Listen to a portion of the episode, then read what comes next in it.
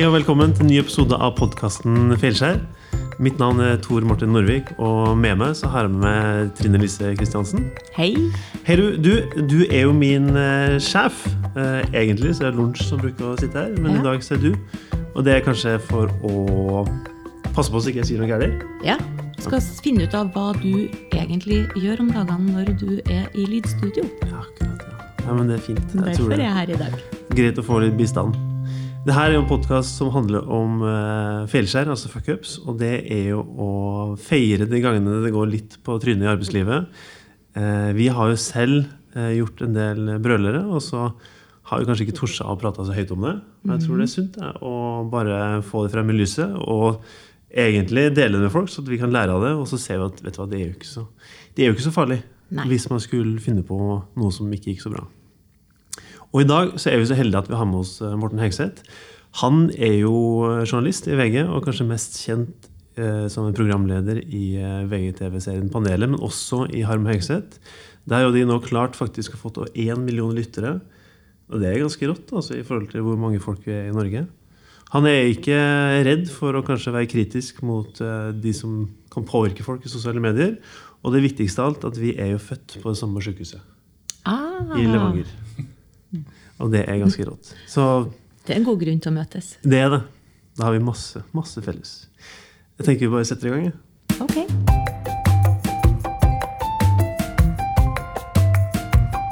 Velkommen til oss, eh, Morten. Takk. Du, jeg har jo prøvd å fortelle litt om hvem det er, men kanskje du kan eh, bruke litt tid på å si hvem og hva og hva du holder på med? Mm. Oh, det der spørsmålet får sånn helt eksistensiell angst. Hvem er du? Jeg husker når jeg var yngre, så gleder jeg meg veldig til å bli voksen. For jeg tenkte sånn, det, Da vet du hvem du er, men jeg vet fremdeles ikke helt hvem jeg er. For det er liksom flakke mellom identiteter. Men jeg er født på Stjørdal. Um, for så vidt fire søsken. To halve og en hel. Um, pendler mellom Oslo og Trondheim. Flytta hit for, i mai i fjor. Um, og har en leilighet eh, på Bislett i Oslo. Eller jeg bor i et kollektiv på Bislett i Oslo med to kompiser. Og veldig dialektforvirra. Veldig greit når det er trøndere, for da snakker jeg trønder. Men hvis det hadde sittet en eh, fyr fra Østlandet her, så hadde jeg gått rett over i østlandsk. Ja, folk sier sånn Å, det er veldig mange som prøver liksom å klappe meg på ryggen og si sånn Åh, gud, du er så tilpasningsdyktig. Men jeg tror egentlig bare det handler om at jeg ikke har noe sterk eh, personlighet. Så jeg blir litt svak. Men det bare Jeg har sånn nordtrønder, da. Sånn mumlete nordtrønder. Så når jeg flytta til Oslo for 13 år siden, så prøvde jeg liksom å snakke med folk. Og da hadde jeg enda mindre diksjon enn jeg har nå på trønderen. Og da skjønte folk ingenting. Så da konverterte jeg over på liksom østlandsk i stedet for å Liv Ullmannske til meg. En slags fintrønder. Eh, så da ble det det. Så det er liksom to dialekter, og, men ikke to personligheter, da, tror jeg. Eller jo, for så vidt. Hvis jeg er på fest, så er det en annen personlighet enn jeg har når jeg er edru. Men sånn ikke to personligheter som ja, Jeg er ikke schizofren, men jeg har bare sånn dialektschizofreni. Ja, jeg vet hva, jeg har egentlig helt den samme historien. Så bra. Nord- Nordtrønder mumlet, kom til Oslo. De skjønte ikke bæret. Nei, vet. Men eh, vi er i dag for å prate om eh, fuckups. Mm. Og eh, da er jeg egentlig litt eh, spent jeg, på Du har jo hatt tid til å jobbe litt og vært ganske lenge eh, Mhm. i, i VG også. Men hva, hva er det du har opplevd som du har lyst til å dele om? Tror, for det første så vil jeg si at jeg liksom syns folk er for dårlige på å ha fuckups. Uh, I hvert fall sånn i mitt yrke, der uh, man kommer inn og liksom Jeg tror hele liksom litt av suksessen til mange i dag har vært å handle om å tørre å ha fuckups. Fordi hvis du skal være liksom veldig flink pike og liksom ikke gjøre noe gærent i den bransjen jeg jobber i, så blir man liksom sjelden lagt merke til. Man må liksom ta tøye strikken litt lenger enn vanlig. Man må liksom tørre å være litt rampete. Jeg husker liksom når jeg kom til VG i 2000 og, eh, når var det? 2007 var første sommervikariat. Jeg var 19 år. 20 år, og da hadde jeg liksom en sjef som nå liksom sjef i P3, Camilla Bjørn. Var helt rå. Jeg husker vi liksom drev på sånn, og da liksom, det var et nytt fenomen som var sånn eh, Kjendiser skulle være DJ-er. Og da skjønte vi sånn, nei, men da skulle vi ringe et eller annet sånt agentfirma som drev på med det der. Så skjønte vi sånn, Hvis jeg ringte og sa sånn Morten Hegseth fra VG, så ville de si sånn Ja, du får det for 7000. Men så ringte jeg og sa at jeg heter for Terje Viken og skulle ha fest. Eh, og lurte på hvor mye Hank von Helvete og Mariann Thomassen kosta å booke. Og de ja, nei, koster 70 000 eller nei, 100 000 eller hva det var. et eller annet. Så det var sånn svær avisforside. 100 000. Og det var jo absolutt ikke lov å utgi seg for å være noen andre, men jeg skjønner sånn hvis for å få en god sak, så måtte man gjøre det. Og hele tida så drev jeg på litt sånn. Ikke noe sånn gærent, men liksom var litt rampete. Jeg husker jo det at det var liksom eh, jo mer rampete man var, jo mer gæren man var, man liksom, jo bedre saker fikk man. Ikke liksom, Jeg ikke at man skal liksom bryte eh, regler, men jeg tenker at man må være litt sånn kreativ. Men jeg var liksom, det var i 2007, og så var jeg liksom, samtidig kom til Oslo og gleda meg litt. Og så jobba jeg natt og dag samtidig, som da er jo gratisavisa de fleste vet om. Mm, og da hadde jeg liksom jobba der med en god gjeng, og folk syntes jeg liksom var litt sånn kul og up and coming. Og sånne ting, så drev de på med en sånn spalte som het for Yoko Homo. eh, som var en sånn en slags jodel som er i dag. da en sånn Anonym kjendisspalte som var liksom tulla litt med kjendiser. Det var liksom ikke måte på Og Der liksom eh, var vi en gjeng, og jeg liksom bidro ganske mye der. Og det var litt sånn spennende sånn, Jeg husker liksom hele bransjen snakka sånn Å, den sjuke spalta, liksom Yoko Homo. Og der hadde jeg liksom kommet med litt innspill. Uh, og det skjønte jeg liksom ikke helt sånn at ikke var lov. For jeg var litt sånn frilanser i VG. Var litt sånn Natt og dag. Tegn på sånn Ja, ha-ha, det var gøy. Så var det liksom, så begynte liksom klappejakten etter å finne ut hvem det her var. Og så til slutt så hadde liksom en eller annen journalist Ikke en eller annen journalist, en veldig god journalist i God kveld Norge funnet ut av det. Og da husker jeg liksom Dorte på mandag begynte sånn Og vi har funnet ut av den fryktede skribenten Yoko Homo er. Og da var det liksom meg, da. Eh, og det endte med at jeg liksom fikk sparken fra VG. Det vil si, Jeg var, hadde ikke en fast ansettelse i VG. Jeg var liksom sommervikar og var på tilkalling. Men at jeg ikke fikk fortsette. Og det var liksom stor sak liksom på TV 2, og det var liksom liksom litt sånn skandale rundt det der. Og da mista jeg liksom drømmejobben som jeg hadde Når jeg var 21 år. Eh, fikk liksom ble tatt godt vare av på natt og dag og ble redaksjonssjef der og sånn, men det var liksom den største, Det var en så smell så stor at jeg tenkte sånn Nå er liksom karrieren min over. Men det eh, ble liksom helt sjukt viktig for motiveringa mi i etterkant. Fordi jeg kom til Natt og Dag. eh, Det var liksom heidundrende liksom, hipsterliv der. Men jeg var helt besatt av at jeg skulle tilbake til VG, for jeg skulle liksom korrigere den feilen min. Ja, ikke sant? Eh, Så jeg var sånn Hver måned etterpå så sendte jeg mail til sjefen og så spurte om jeg kunne få komme tilbake og liksom bevist hva jeg hadde gjort. Og det var liksom en sånn kjempemotivasjon. Jeg lærte helt sinnssykt masse av det. For det første så sto jeg i en storm, eh, som man lærer masse av. For det første så skjønte jeg at Vær varsom-plakaten var noe man burde lese. For det andre så, tredje så liksom skjønte jeg at liksom det å være redelig er en fordel i jobben. Det var liksom, Jeg hadde så sinnssykt høy læringskurve på den fuckupen der. Ja.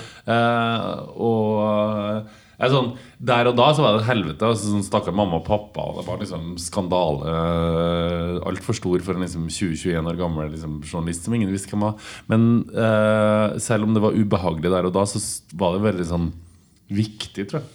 Ja, For det her blir spredd utover i, i forsida på flere aviser? eller? Ja, ja, ja, det var på Dagbladet. Det var jo liksom hovedsendinga på God kveld Norge da folk fremdeles så, så på lineær-TV. Og det var liksom Det var liksom talk of the town, på en Ja. måte. Eh, så det var jo masse folk som snakka om det. Eh, og det var altså, Jeg husker jo at jeg satt liksom Jeg husker på halloween at liksom Dorte sendte saken. Og så satt jeg i dragsminke og shotta vo- vodka og grein på en sånn homsefest. Og tenkte at livet mitt var over. Men hva, hva var det hva var det verste? Hva, vet du hva grunnen egentlig til at du fikk sparken? Var det at du var uredelig, eller var det at du hadde Nei, altså grunnen, grunnen var god. Eh, jeg hadde gjort det samme sjøl hvis jeg hadde vært sjef. Og det var en liksom tullete 20 år gammel journalist. Det var, liksom, det, var liksom, det var ikke nødvendigvis det at liksom spalta var så ille. Men det var det at uh, Se for deg sjøl hvis du hadde jobba på Uredd, eh, der du jobber, og så hadde du liksom samtidig frilansa for et annet uh, designkontor. Ja. Og så hadde du hatt en anonym spalte der. Da kunne sjefen din ha visst om den informasjonen der har kommet fra Uredd, f.eks. Man kan ikke ha liksom såpass mye illojalitet innad i VG, og det skjønner jeg veldig godt. Eh, Så jeg tror det handler om bare å være ryddig og liksom sette et eksempel. Ja. Men jeg var i søknadsprosess for å få fast jobb i VG, eh, og den lå jeg an til å få. Og hvis jeg hadde fått den faste jobben i VG, så hadde det betydd at jeg ikke hadde vært redaksjonssjef i Natt og Dag. Det hadde betydd at jeg ikke hadde hatt eh, nesten to år i Se og Hør. Det hadde betydd at jeg ikke hadde jobba som reporter eh, i ettermiddagen og sommertid på TV 2. Det betyr at jeg ikke hadde lært meg TV. Det betyr at jeg ikke hadde liksom fått en haug med erfaring som jeg ikke hadde hatt den dag i dag. Det betyr at jeg hadde sikkert mest sannsynlig sittet og vært skrivende journalist på VG og konsentrert meg om postjournaler og seertallene til Paradise Hotel i tekstformat fremdeles. Ja. Og den erfaringa jeg fikk fra den fuckupen der, har liksom lagd hele grunnlaget for hvem jeg er i dag, og det jeg har gjort i etterkant. Eh, så jeg anbefaler folk å liksom være illojal, men jeg syns det liksom er et viktig perspektiv å ha når ting ikke går som planlagt. Så får man masse liksom læring ut fra det. Og det har vært dødsviktig for min del. Jeg er 100 sikker på at jeg liksom Jeg er nesten Jeg er kjempesikker på at jeg ikke hadde hatt det bedre i dag hvis jeg ikke hadde gjort det der. Men eh, det høres ut som at eh, det at Natt og Dag Ja. var der, Ja, eh, og at du kunne gå over dit Ja, og bare fortsette der, var viktig for deg. For du ble jo ikke stående helt alene. For jeg vil tro Nei. at det var kanskje ikke så mye støtte å finne fra dem du ble sparka av. Nei, nei, nei. Og det å være 21 år og bli kasta ut i noe som man kanskje ikke har forutsetninger for å forstå eh, hvorfor skjer, det kan være ganske tøft. Helt, altså helt jævlig. Jeg husker enda at det var liksom jeg sto utenfor VG og grein, og så var det en venninne av meg som fulgte meg til og Dag. Det lille mediemiljøet i Oslo er ganske lite, og der sto liksom da min eh, tidligere venn Peter, eh, som dessverre har gått bort noen, som var redaktør, og liksom tok imot meg, og jeg kom inn liksom i Natt og Dag. Og det er liksom sånn punke-fanzinemiljø mellom liksom masse kreative sjeler som ikke har noe struktur, og bare kom inn hit, så skal du få jobb. Og det var jo så jævlig skremmende. Og det var liksom også en ganske sånn vanskelig tid, fordi jeg hadde liksom litt uorden i hodet, og det var liksom ganske liksom nevrotisk i toppen, og det var, altså det var helt koko bayanas den perioden der. Men det var sinnssykt skummelt, men jeg sto i det, og det er jeg veldig glad for. Og jeg, det der mener jeg er litt problemet i dag. At sånn, vi lever i en tid der det å oppleve motgang, der det å liksom ikke ha det bra mentalt, der det å ha utfordring av arbeidslivet er så innmari skummelt. Vi snakker liksom om diagnoser, vi snakker om liksom, å, medisinering, vi snakker om liksom eh, skal si for noe at du hadde opplevd det der i dag, så hadde jeg sikkert sittet i sirkel på NRK og snakka ut om den tunge tida og fått støtte fra psykologer og applaus fra likesinnede som har hatt like store utfordringer. Jeg mener at det er viktig at noen ting kalles for livet. da Eh, og det der var liksom en røff tid i livet mitt. Men jeg er så sinnssykt glad for at det liksom Det bare var en motgang i livet, og ikke en diagnose eller noe liksom, som folk tok som verdens undergang. Uh, så jeg er veldig sånn glad, i, glad for og veldig sånn stolt over at jeg sto i det som liksom en motpakke og ikke som noen ting som ville ha definert meg for resten av livet. For jeg føler at vi er litt for glad i å være trist og lei oss og hvile oss i vår egen motgang i dag. Og kanskje har man noen ting å lære fra idretten, for du ble jo kasta ut i det med en gang. Ja, ja. Du fikk ikke liksom stoppa opp og Nei. hvilt deg. Nei. Og det er jo litt det som er metoden hvis du Jeg tror ikke man må slappe av så jævlig eller. Jeg er helt enig. Hvis du faller, så må du bare opp på hesten igjen og bare dundre på. Og det er liksom helt jævlig der og da. Og det er sikkert lurt å slappe av, sånn, men jeg bare tenker at man må bare klaske på. Spesielt når man er så ung, så tåler man liksom mer enn eh, man forventer. Og den motgangen der i arbeidslivet, for min del, var altså Jeg sier ikke at det å fucke opp var viktig, men det læringa etter den fuckupen var liksom helt definerende for liksom hvem jeg er i dag. Og jeg har vært liksom sånn i etterkant så har jeg vært sånn ekstremt opptatt av å være lojal. Fordi jeg, liksom, jeg har får helt sånn panikk av det i etterkant overfor arbeidsgiver. Og jeg er fremdeles vill og helt fucked up gæren og syns at det er eh, veldig viktig. Jeg tenker jo sånn eh, Fremdeles den dag i dag så handler liksom min jobb er å tøye strikken så langt at det er liksom akkurat er greit. At sjefen min blir litt sånn Neimen, for faen. Men at det går greit. For jeg tenker sånn For å liksom treffe en målgruppe Du blir lagt merke til i arbeidslivet I der jeg er i dag av å være liksom kun flink pike. Du må liksom eh, prøve å liksom ta det så langt som overhodet mulig. Ja. Og eh, det hender at sjefen min sier nei, og liksom jeg er sjef som hører på liksom, podkasten vår og klipper ut hele tida. Når vi, jeg og Vegard for eksempel, lager podkast, eh, så har vi jo en million godt over en million nedlastninger i måneden. Og der har jeg en redaktør som hører på, og bare sånn klippe ut uh, deler av hver uke. Og hvis den, de tingene ikke har blitt klippa ut, så hadde det vært sikkert medieoppslag hver uke eller sparken for lenge siden. Men jeg er veldig glad for at det er en sjef som hører på, men jeg, jeg tenker òg at det er viktig å prøve å være så nærme den grensa som er innafor uh, altså, det som ikke er innafor, som overhodet mulig. Ja, for det som du sier, skal du skille ut og være interessant for folk, så må du jo bringe et eller annet til bords som ikke er generisk. Eller? Ja, enig. Og i hvert fall sånn i den medieverdenen vi lever i i dag, hvor du har tilgang på absolutt alt. Og så har du liksom Jeg tenker også litt sånn i medieverdenen i dag for unge folk så har du, du har to ting. Du har P3 og NRK, som er fantastisk viktig, og som vi trenger veldig mye. Men der er det veldig fokus på eh, Du skal sette fokus på liksom, de gode verdiene, på psykisk sykdom, på liksom, overvekt, på liksom, homofili. Litt sånn politisk korrekte temaer. Mm. På den andre sida så har du liksom knullefest på Ex on the Beach og Paradise Hotel. Null moral og bare trashfest.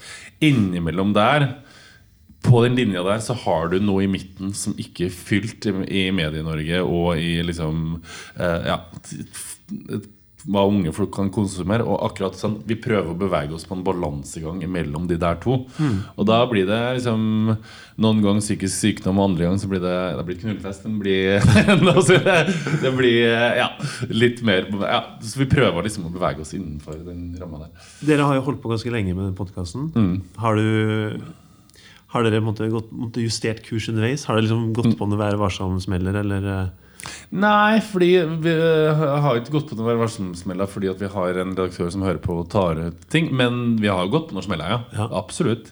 Uh, og det har vært viktig. Uh, fordi da har den blitt lagt merke til. Og jo når vi får omtale, så øker lyttertallet. Uh, vi ser jo det når vi har stått i konflikter. Når jeg har liksom vært i konflikt med en rekke kjendiser som mener liksom at jeg har liksom gått altfor langt. Jeg sa på tull en gang at jeg håpa at en eller annen blogger fikk fødselsdepresjon, som var veldig flåsete sagt. Eh, og teit sagt. Men da ser vi jo at lyttertallene går jo opp fordi det blir debatt og diskusjon, og folk blir nysgjerrige på hva det er. Eh, men altså, man skal jo skape interesse rundt produktet sitt på andre måter enn å bryte grenser, selvfølgelig. Men å skape en viss form for diskusjon tror jeg er viktig. Ja. Og når man skaper diskusjon, så er jo nærheten av et eller annet. Hvordan trives du den rollen der? Og på en måte det å skape diskusjon i podkaster. Og så har du også artikler som på en måte er kanskje ikke så sensasjonelle, men de er mer, eh, mer sånn substans og mer eh, Kanskje mer det vi finner på innsida der. For jeg var titta bare på, på bloggen din, hvor du skriver, og det der også går det ut mot de som er påvirker i sosiale medier. At de må være bevisst på en måte sitt eget uh, mandat og uh, roe litt ned. Og det er jo ikke så sirkus, det, som det du kanskje opplever? Nei, det blir ganske, like mye helvete av den grunn. Altså. Uh, da blir det Du skal vite at den bransjen her er full av eh, de galeste menneskene i verden. Så da blir det trusler på melding, og det blir liksom, man får helt panikk. Men jeg, sånn, jeg merker at jeg er litt avhengig av den der uh, å skape litt debatt. Egentlig om det Dubai eller Babyspons eller Siv Jensen som blir utkalt liksom, årets homoforbilde. Jeg har liksom Jeg får litt, ofte litt eksistensiell krise av å stå og vifte med armene og si at mammaen til Michelle har skrevet et nytt blogginnlegg, og det er fantastisk, eller at uh, Uh, en eller annen ung popstjerne ja, jeg får, jeg, Noen ganger så føler jeg meg litt gammel og får lyst til å jobbe i Røde Kors av å jobbe med kjendiser 24-7. Så det å ventilere med å liksom kronikere og være på Dagsnytt 18 og stå i debatten og sånn, det, liksom, det har vært viktig for min del for å få balanse. Fordi blir det for mye tull og fjas, så Jeg hadde ikke orka å gjøre det jeg hadde gjort hvis jeg bare skulle ha sagt Hei, velkommen til panelet. Johanna Grønneberg har tråkka i en bæsj på Farmen. Se på det her. Eh, det hadde liksom eh, Da hadde jeg fått nok, altså. Ja. Ja. ja men du, eh, tusen takk for at du ville prate om eh, ditt feilskjær. Ja, det var det. veldig Det er fint. Eh, jeg tror den måten du innleda på, er helt riktig. At eh, må kunne brukes til en mulighet, og så er det å kunne prate om det og ikke bli stigmatisert som en eller annen svak eller syk. Eller, det er helt normalt å gå på trynet. Ja. Og så er det om å stå i det som er viktig, og ha folk rundt seg som gjør at du faktisk kan bare finne ut eh, en god retning på det. For at, eh, sånn som du har vist nå, du har jo egentlig kanskje havna akkurat der du ønsker å havne, og gjør egentlig akkurat det du ønsker å gjøre også. Jeg gjør fuckups hele tida. Altså, så det er bare den eneste, men det er liksom det, kanskje det største. Og husk, folk elsker den angrende siden. Ja, Trine. øh, Hvordan vil du oppsummere praten her med Morten? Jo, jeg tenker at dette her var det her er, et, eh, det her er en viktig ting å, å, å snakke om. Det å gjøre feil. Og jeg tror også at eh, kanskje mennesker i dag som er yngre enn hva dere er òg, jeg opplever at de har et register som er så smalt. Og eh, det, altså det er så lite lov til å gjøre feil. Og det her er jo mennesker som bare de får høre om at det finnes en foreldregenerasjon hvor det var helt vanlig å sole seg toppløs på stranda, så holder de jo på og går ja. nedenom. For det er liksom eh, det kan de ikke greie å høre om engang. Og i en sånn verden så skal det utrolig lite til før du føler også at du har feila, når registeret er så stramt. Og jeg tror at uh, denne skamfølelsen det er jo noe det er veldig menneskelig å ha. Men uh, jeg lurer på om den er mye mer tilstedeværende i dag. Fordi det skal altså så himla lite til for at du har gjort feil. Og det gjør også at det skal veldig lite til for å oppleve seg som utenfor. Og i tillegg så er det sånn at gjør du feil, i motsetning til det som skjedde med deg, hvor du, bare ble, du måtte bare videre med én gang For i dag så er det sånn at hvis du gjør feil, så står det liksom en hel eh, Kanskje en familie eller venner eller du sjøl. Det handler om liksom å legge seg på sofaen og trekke eh, ullteppet godt oppover. Mm. og gjemme seg litt unna og ta et avbrekk. Og jeg tror at det du skal gjøre, det er at du skal i gang med én gang. Og så skal du bare prøve enda hardere. For det, altså, du må opp i tempo. og Du må, du må ut og bare Du skal prøve hardere. Fordi det er bra både for dannelse og eh, for å komme videre. da. Enig. Og den eneste som kan rette opp en fuckup, er deg sjøl. Så hvis du har lyst til å liksom korrigere noe du har liksom fucka opp, så må du stå på som bare det. Og det er helt fullt mulig å gjøre det. Men det er som du sier, den fuckupen blir sjelden liksom retta opp under dyna med ei varmeflaske mens foreldrene dine klapper deg på panna og sier så så. Det her må du liksom bare Du må kjøre på og liksom gjøre det beste ut av det. Ja. Og er viktigheten av egentlig å prate om fuckups. Og folk ser da at det ikke bare er glansbildene som måtte representere idealet, men det, det er helt normalt å gå på trynet. Og, Ja. Og dramaturgisk sett så er det sånn selv om det er liksom drit der og da, så er det så sinnssykt mye læring i det. Når du ser tilbake på livet ditt, og hvis du har hatt et flatt liv uten fuckup, så tror jeg at du får Ja, det var greit, men eh, hvis du ser tilbake på livet ditt, så tror jeg at på et eller annet perspektiv så vil de fuckupen De fuckupsene du har gjort, være noe av det mer interessante du har opplevd, selv om det har føltes ubehagelig der og da, for at det er så ellevilt mye læring i det. Og så må vi være snille mot hverandre, da. Ja. Det, det må vi være. Ja, Så gi, man, gi eh, rom for fuckups. man, må, man må greie opp etter seg sjøl, men uh, den som er rundt, uh, har en oppgave med å være snill. Ja, heie. Enig. Før vi skal runde av, så har vi en eh, avskjedsgave. Og det er Da spør vi rett og slett egentlig hva er det som har gjort deg glad den siste uka? Ski i året har gjort meg glad. Anbefales. Folk, eh, jeg tror ikke helt folk i Trøndelag skjønner Eller sånn, jo, folk skjønner jo det, for folk er sikkert flinke til å dra til året. Men det er jo det trekkene som er der. det Gruser jo Hemsedal og, og alt jeg har vært på noen gang. Og maten er helt fantastisk. Ja. Og kvinner over 50 har lov til å gå i museflette, og det er lov å være drita før klokka fire. Og det er jo helt anarki. Eh, så det, jeg tror jeg hadde Ja, det er et slags lite fristed. Ja, for du har hatt en bra helg i året? Ja, veldig. Det er veldig fascinerende. Altså, de, de bakkene i året er helt ville. Altså. Så jævlig gøy, liksom. Så det anbefaler jeg. Og så får man jo Ja. Så det, ja. Veldig gøy. En slags blanding av norske rednecks og svensk sosietet i skjønn forening. Ja.